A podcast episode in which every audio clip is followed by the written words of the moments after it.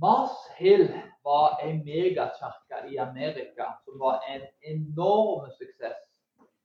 De ble planta i 1996 og hadde over 12 000 medlemmer som kom på gudstjenestene hver søndag.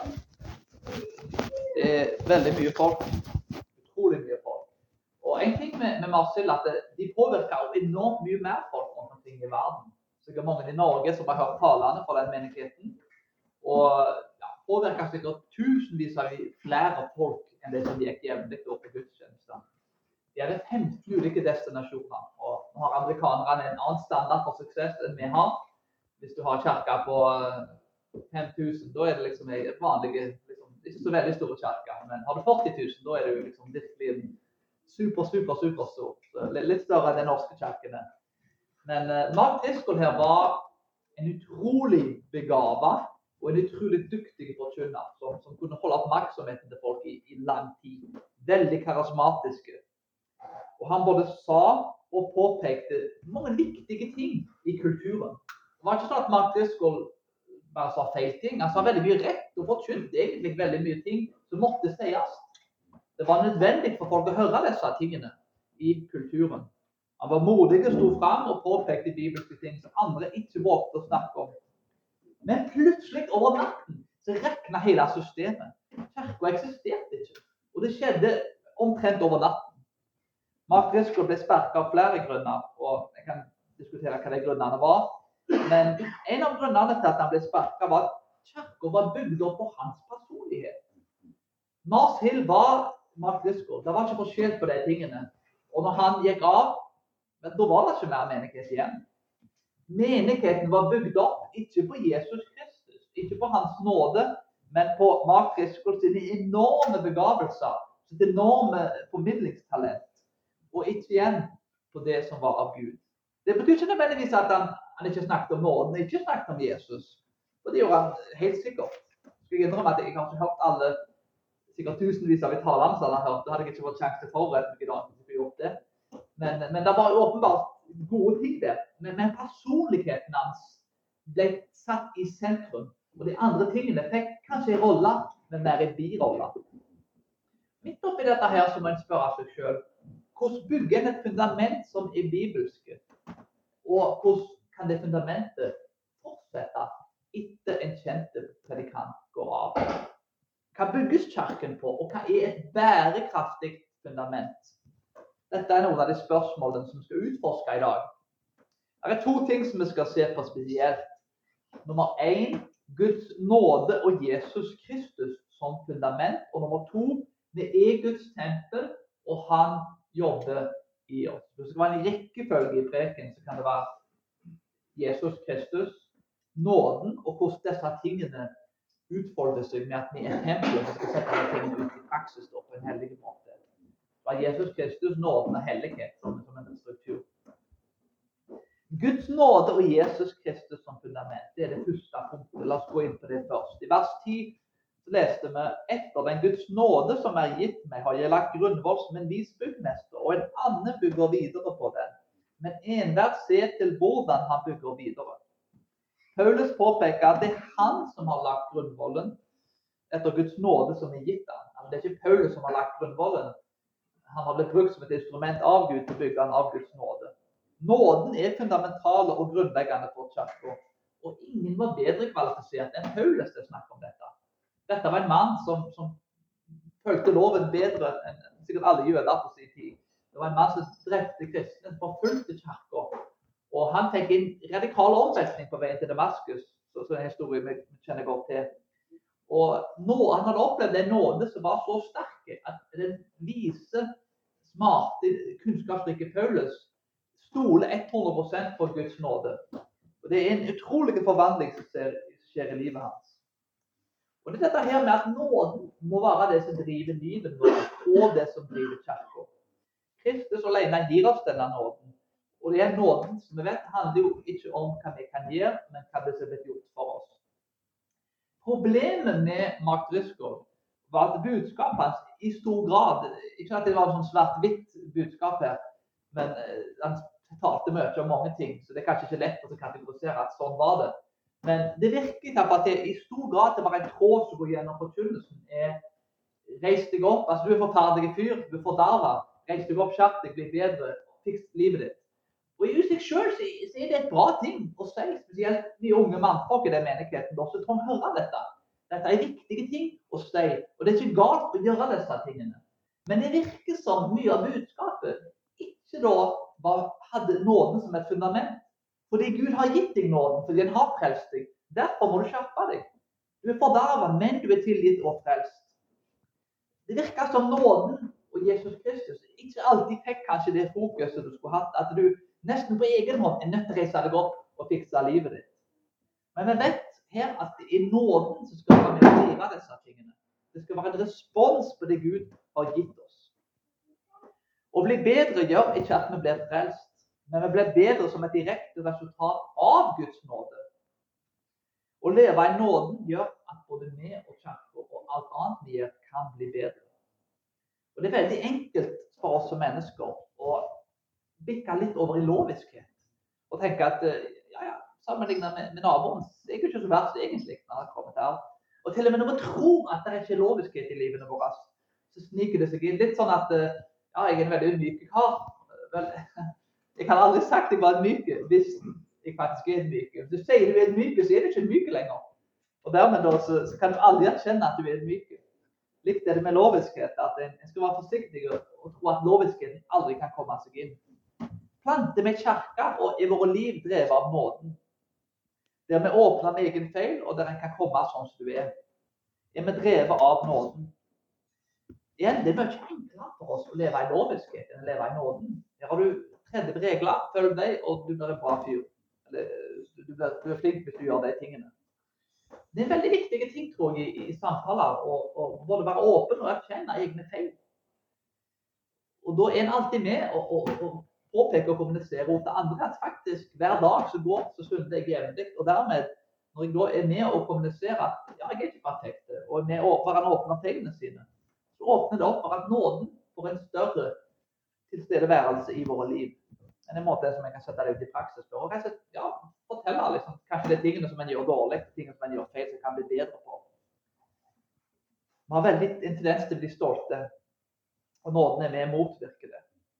Om Paulus ikke den, den perfekte fariseeren studerte under Gamali, som fulgte loven, så kunne memorisere store deler av Skriften, hvis ikke han klarte å gjøre det rett tenker jeg, da er det ikke håp for resten av oss. Hvis ikke han klarte å følge loven ordentlig, ja, da vi, ligger vi dårlig an med andre.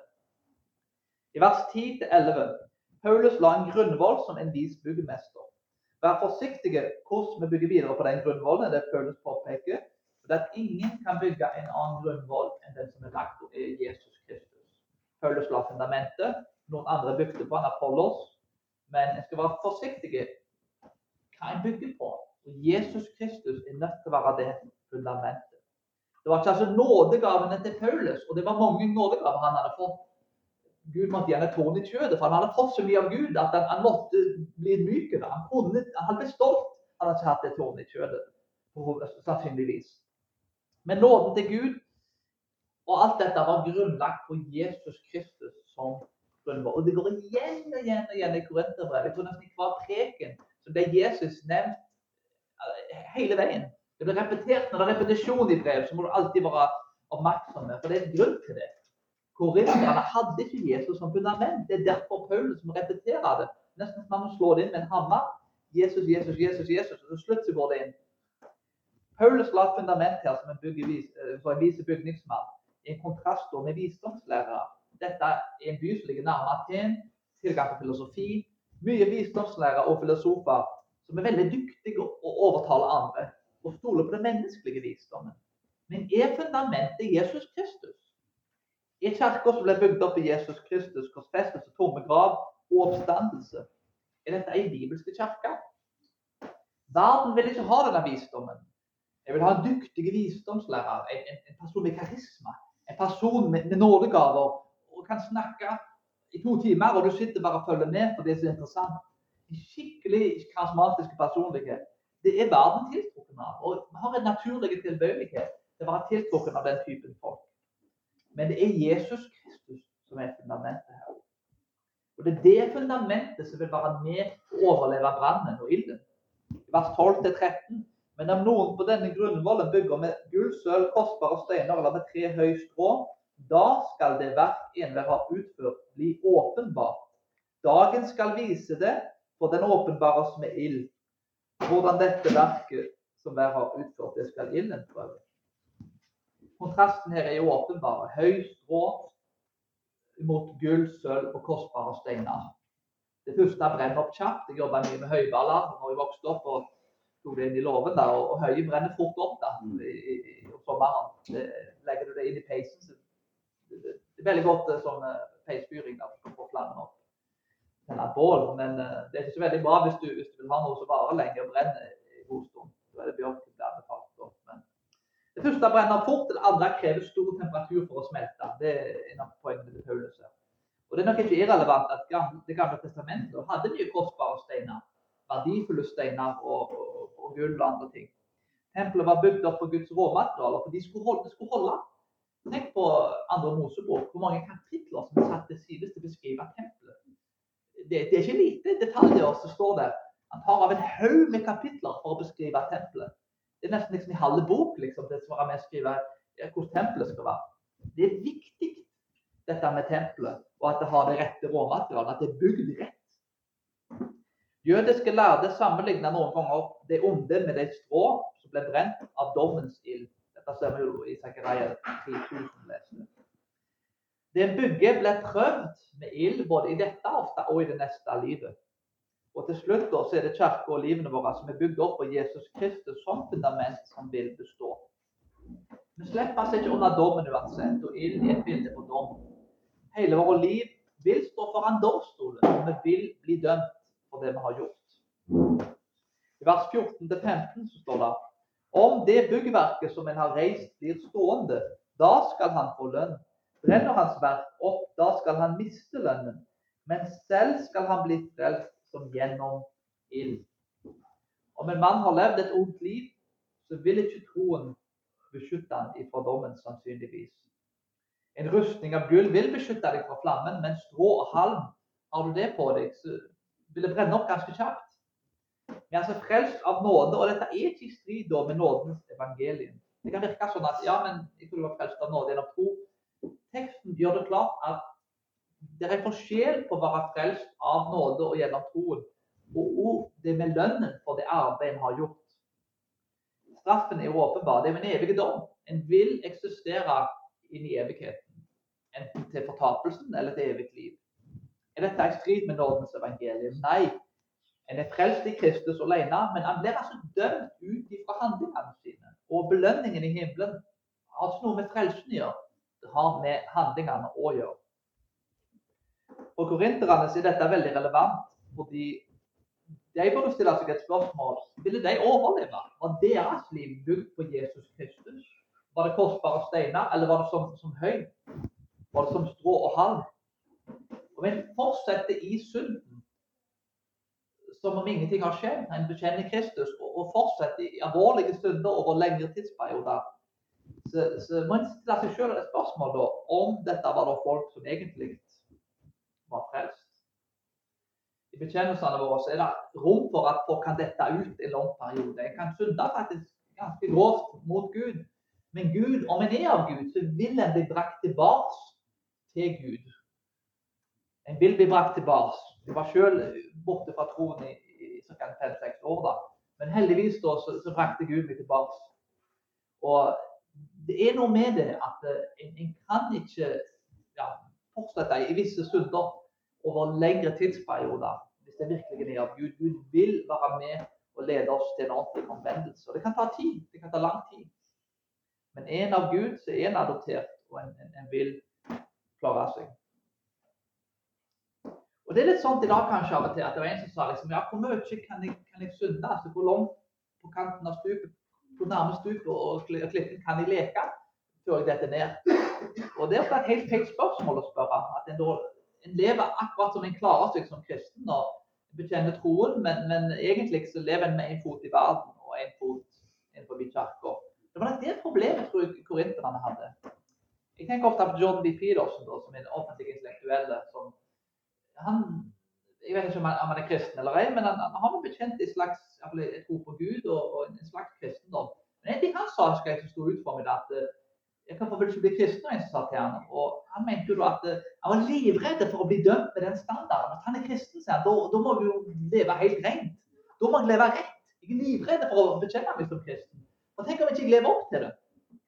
Litt interessant at, at, en person som kanskje ikke helt klart definerer seg som kristen, har den enorme gudsfrykten der. Skikk, det er jo en, en, en utrolig flott ting å si. Ja, Den dagen jeg ble kristen, så vil jeg forsikre meg at jeg virkelig mener det. Det vil ikke være sånn som korinterne og si ja, ja, det går, kirka om søndag, resten av uka så, så går vi i tempelprostitusjon. Sånn var det med korinterne. Så Det er jo en, en veldig fin holdning der at en, en må prøve å ta det på alvor. Og det er kanskje der må, derfor med han at han utsetter kanskje det med å, å gjøre det klart og tydelig hva han tror. Fordi at han, han vil forsikre seg om at dette er noe som virkelig kan hengi meg til 100% Og det er dette med gode gjerninger og hellighet som en viktig ting. Vi må ikke tro at dette frelser oss, men igjen Det må være visse frukter av hellighet.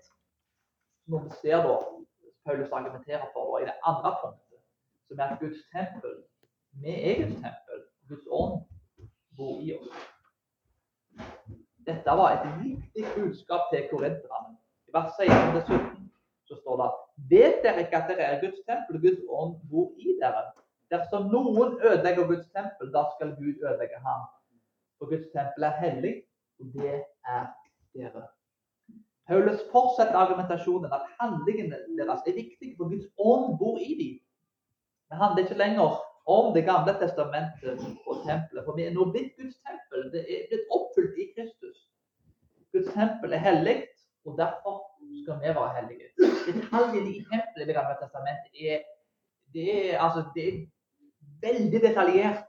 Gud bryr seg om tempelet sitt. Han bryr seg om oss som er tempel i dag. Korinterne hadde behov for å høre denne typen budskap, for de levde som Gud og de ikke bodde i dem, så de ikke var Guds tempel.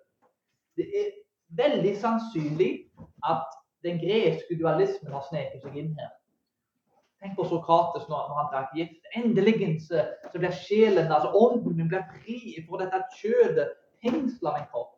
Litt som et vann, et glass, og du, du tømmer vannet ut av kjødet, ut av kroppen. Og vannet blir ånden. da. Sånn tenkte grekerne. Ånden er god, kjødet er ondt. Hva jeg gjør med kjødet, har ikke noe betydning. Jeg kan synde og ja, tempelprostituerte, kan du si. Og, og søndagen går i kirka. Dette var en, en, en, plass der prostitusjon og, og seksuell umoral spesielt og var veldig, veldig veldig utbredt. Jeg har ikke noe å si, men Kristus har frelst meg, og jeg tror på Jesus. Men det jeg gjør med kroppen, har ikke noe betydning. Vi ser beklageligvis òg en, en, del av disse holdningene i, i kirka gjennom historien, og kanskje kirka den dag i dag. Det er dette her med at alt en gjør med kroppen, er av betydning. Den greske forståelsen har ikke det. Men den jødiske forståelsen er ikke den greske forståelsen. Den jødiske forståelsen sier at kroppen skal bli oppreist fra det døde en dag. Jesus skal faktisk hvert hårstrå kjenne. Alt vil bli oppreist. Og vi skal stå foran domstolen. Vi skal være sammen med Jesus i den nye himmelen og nye jord. Og kroppene våre er viktige. Jesus ble ikke åndelig oppstått fra det døde. Han ble fysisk, legemelig oppstått fra de døde. Det er en svært viktig ting å huske på. At det var kroppen er god. Sunden i kroppen er ikke god, men, men kroppen i seg selv er noe Gud har skapt. Dette For en greker var dette revolusjonerende. Jeg kunne ikke fatte at det kunne være tilfellet. Beklageligvis gjennom kirkehistorien så ser du også Augustin i bekjennelsen f.eks. at mye av halvgreske tanker snek seg inn Sølibatet f.eks. er et eksempel. Hvis du virkelig skal tjene Gud, så må det være sølibat. Kroppen, altså du, du kan ikke virkelig ikke tjene, tjene Gud hvis du ikke jobber 100 for han i sølibatet. Til og med Augustin, de tankene har sittet med oss helt fram i dagens kultur. Eh, spesielt i lavkirkelighet så er det mye av de tingene der mye av de tingene med kroppen kan bli sett på som negative. Og dette er ikke en jødisk tankegang. Det er ikke det Paulus vil fram til. Alt vi gjør, om vi spiser eller drikker, så gjør vi det til Guds ære. Kroppen er god. Synden i kroppen er åpenbart ondskapsfull og, og driver oss til feil ting. Men Gud har skapt det fysiske, og det er positivt og bra. Så lenge det blir brukt til de gode tingene og til gudelige ting. I Norge så har det ofte vært lite fokus på hellighet. Jeg vet ikke hva som er årsaken til det, men teologisk så har vi gjennom teologien i Norge ikke kanskje lagt så mye vekt på det. der. Det er dette her med å, å vite at alt i kristenlivet skal bli påvirka og reguleres ut fra Skriften. Og Det er noe som, som, til en viss grad har blitt praktisert, men kanskje ikke så mye som det burde. Og som en praktisk anvendelse her Vi er kalt altså til å leve som Guds tempel og gjøre alt for Guds ære. Altså F.eks. på arbeidsplassen. Ta de siste seks budene som handler om nestkjærlighet.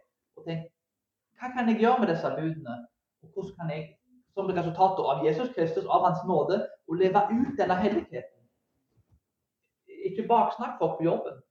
Det skal være en arbeidsplass jeg var den eneste som ikke sa noe negativt om noen andre på jobben. kan du si. Det er kanskje litt uvanlige ting på visse arbeidsplasser. Være et sannhetsvitne på jobben. Ikke begjær. Dette er ting som kan anvendes direkte inn i en arbeidssammenheng, og du kan få en bedre arbeidsplass. Kulturen ble bedre. Du er med å gjenopprette og reversere skadene på syndefallet som et resultat å leve ut dette med å være Guds tempel. Med Jesus som grunnvoll av nåden. Videre i 1. Korinterbrev 3, 18-20 så ser vi at Paulus sier La ingen bedra seg selv. Hvis noen av dere regner seg for å være vis i denne verden, la han da bli en dåre for at han skal bli vis. For denne verdens visdom er dårskap for Gud. For det står skrevet Han fanger de vises i deres liv. Og et annet sted Herren kjenner de vises tanker, og de er tomme. Vi må avvise verdens visdom, ikke bedra oss sjøl. Jeg må bli dåra for å bli vis, for denne verdens visdom er dårskap for Gud. Herren kjenner de vises tanker, og de er tomme. Korinterne, i deres tilfelle da, igjen, jeg er glad i filosofi, og det er mye viselige ting å lære av filosofien. Men i deres tilfelle da, så var det det som dominerte alt og måten de tenkte på, virker det som. Det var tenkningen fra Hellas og avgudsdyrkelsen som kom med det. Altså, de tilba jo guder i Hellas på den tida. Det gjør det ikke så mye i dag. Men, men en må altså være villig til å stole på korsets visdom. Og være villig til å se teite, latterlige ut for verden, for å nå ut til verden med evangeliet. Og ikke få anerkjennelse hos mennesker, men hos Gud. I dagens kultur så, så er det beklageligvis sånn at de smarteste folkene de skal være smartest. Universitetene våre, de beste universitetene, produserer mest dårer. Tenk å komme ut med en doktorgrad og ikke vite forskjell på kjønnene. Altså, En treårig barn vet forskjell på menn og kvinner. Jeg kan ikke tenke meg noen bedre illustrasjon på, på, på Harvard han som vant svømmingen der, kan du si, så, så skifta kjønn da, var, nummer 400. Og så gikk han til nummer én da, når han konkurrerte da mot damer. Så En fysisk mann har alle fordelene i en sport. Beintetthet, muskelmasse, alle tingene. Og han flytter over til kvinnesporten og vinner. Han, han knuser alle damene da i sport, til tross for at han da er en biologisk mann. Og så Det aller verste av alt at du har damer som jobber for kvinnerettigheter, står og klatrer. Dette var bra. Det var bra at mannfolk vinner kvinnesport. Jeg kan ikke tenke meg noe bedre eksempel i dagens kultur på dårskap. Dette er de klokeste, visstnok, hjernene. Dette er Ivy League-skolene. Du fikk de beste studentene i hele Amerika. Hele Vesten, kanskje. Dette skal være de smarteste folkene som kanskje blir statsministre, presidenter og ledere i kulturen. Det er skremmende. Det er dårskap. Åpenbar dårskap. Vi må gjøre som korinterne, være påpasselige at vi ikke bedrar oss sjøl. Vi har en evne som mennesker til å bedra oss sjøl som er helt utrolig. Og vi eksaminerer oss sjøl i lys av Skriften og i bønn, tenker, tenker vi rett om virkeligheten. Vi kan bruke filosofi, vi kan gå i verden, i naturen og lære viktige ting. Men Bibelen må ha en viktig rolle òg. Og Bibelen kan lære oss å leve, leve hellig i en uhellig verden. Igjen, disse folkene på de beste skolene i dag, det er ikke mangel på kunnskap og filosofi. som gjør at de ikke klarer å se disse tingene. Det er mangel på Bibelen. Vers 21-23. La derfor ingen rose seg av mennesker, for alt hører dere til, enten det er Paulus eller Apollos eller Kefas. Enten det er verden eller liv eller død, enten det er det som nå er eller det som skal komme. Alt hører dere til, men dere hører Kristus til. Kristus hører Gud til. Vi går tilbake til grunnlaget. Jeg tenker Klippen, altså Kefas, han bygger vi kirker på. Det er jo et kirkesamfunn som har bygd kirka si på, på, Kefas, og det er på Peter. og det uh, Jeg vet ikke om det helt historisk sett har gått fullt så bra, men, men det er dette her med hvis ikke Kefas, hvis ikke Paulus og Apollos disse var tre stjerner på sin tid Hvis du kunne liksom valgt tre forkynnere du ville hatt i menigheten Det måtte vært kult å se at Paulus og Kefas og Apollos var en veldig veltalende kar. Få de tre folkene her inn, da kan vi bygge en stor menighet rundt deres personligheter. Hvis ikke de var tilstrekkelige, som hvis ikke Paulus engang var god nok til å bygge en, pers altså en personlighetskultus rundt han, da ligger vi dårlig an resten av oss. Hvis ikke Paulus engang vi kunne bygd en menighet på han eller på Klippen Hvis ikke Klippen var en klippe en gang, så tenker jeg da ligger vi dårlig an. Fordi det er Kristus som må være fundamentet. En kirke som ble bygd opp av store personligheter, vil falle i dette og i det neste livet.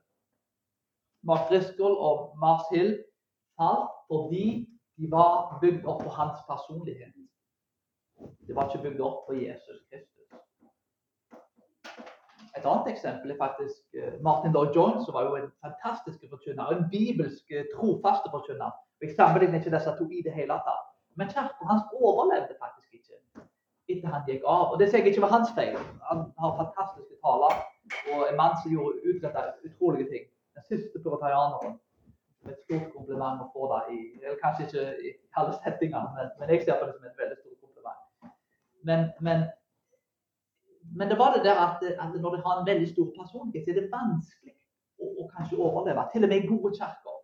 Utrolig viktig å bygge ting rundt Kristus som fundament og nåden, og kanskje også rundt flere personligheter. At det ikke blir én personlighet som blir for stor. Om ikke Paulus og, og det andre var god nok igjen. Så må vi gå tilbake til fundamentet, som er Jesus Kristus. Igjen, vi har en evne til å bedra oss sjøl. Vi kan lure oss sjøl til de mest utrolige tingene. Vi kan bygge oss Kristus inn i fundamentet og si ja, Kristus er viktig, nåden er viktig, men jeg er litt viktigere enn de tingene. Så Det trenger ikke komme inn sånn svart-hvitt at jeg har sentrum. Det kan være at Jesus faktisk får en ganske sentral plass. Men at det likevel at du har litt mer plass enn Jesus. Det blander seg inn. Litt av Jesus, litt av nåden, og, og, og mest litt mer av meg sjøl. Det er ikke alltid åpenbart at en personlighet dominerer. Og til og med folk som dominerer altså i Amerika spesielt, han snakker jo om Jesus og nåden, han Og han sa rett og gode ting. Men likevel så var det han som endte opp med mest fokus. Og Den hellige ånd er til stede, så er det Jesus som skal bli løftet opp. Det er ikke jeg eller noen andre. Det er Jesus. Det er hans nåde med hvile i. Et eksempel på et, et, en veldig sunn kirke som, som, gjorde litt, litt, av det motsatte av det vi ser i kultur, er Tim Kellers kirke i New York. Han delte kirka opp i tre. Han er 28 000 stykker veldig suksessfulle kirkeplanter. Kanskje en av de mest suksessfulle kirkeplanterne i, i, i Vesten i dag, og i vårt kirkesamfunn. Men han, han delte kirka i tre. Det er et veldig sterkt sunnhetstegn at ja, jeg blir mindre forsker skal komme på gudstjeneste når jeg tenker. Det er en bra ting. Og hvis vår teologi bør produsere én ting altså vi, Vår teologi kan oppsummeres med mange ting, men vi har jo en stor Gud-teologi. Jeg påstår i hvert fall at det er en grei måte å si det på. Og det er jo alltid reformert, vil jeg si, i stor grad, å være avhengig av store personligheter. Vi har stor Gud-teologi og en liten meg-teologi. Og Det bør komme fram i forkynnelsen, det bør komme fram i alt annet i måten menigheten er på. Og igjen, Det er et godt eksempel der med, med Redeemer Presbyterian Church New York, at du kan dele opp menigheten på den måten. Nå har vi veldig små menigheter i Norge. Så har vi ikke det luksusproblemet som amerikanerne har. Men dette kan jo da manifestere til andre måter. Og det er en fantastisk frigjørende ting å vite at livet våre og kirka de trenger ikke bli bygd opp på meg. Det er mange som brenner seg ut for, for alt er avhengig av deg. Det er ikke mitt strev og mine gjerninger som menigheten skal bygge opp på. Men det er Guds nåde med Jesus Kristus som fundament. Han er perfekt, sånn at vi ikke trenger være det. Og det er dette fundamentet med Jesus Kristus og Guds nåde som produserer en hellighet som er Guds tempel, og lever det ut i livet. En hellighet som gjennomsyrer av Hans nåde, og som heldigvis på alle vis ikke er avhengig av oss. Det er dette korinterne måtte tilbake til om de skal gjenopprette kirka. Og det er det vi må tilbake til, både individuelt og La oss be.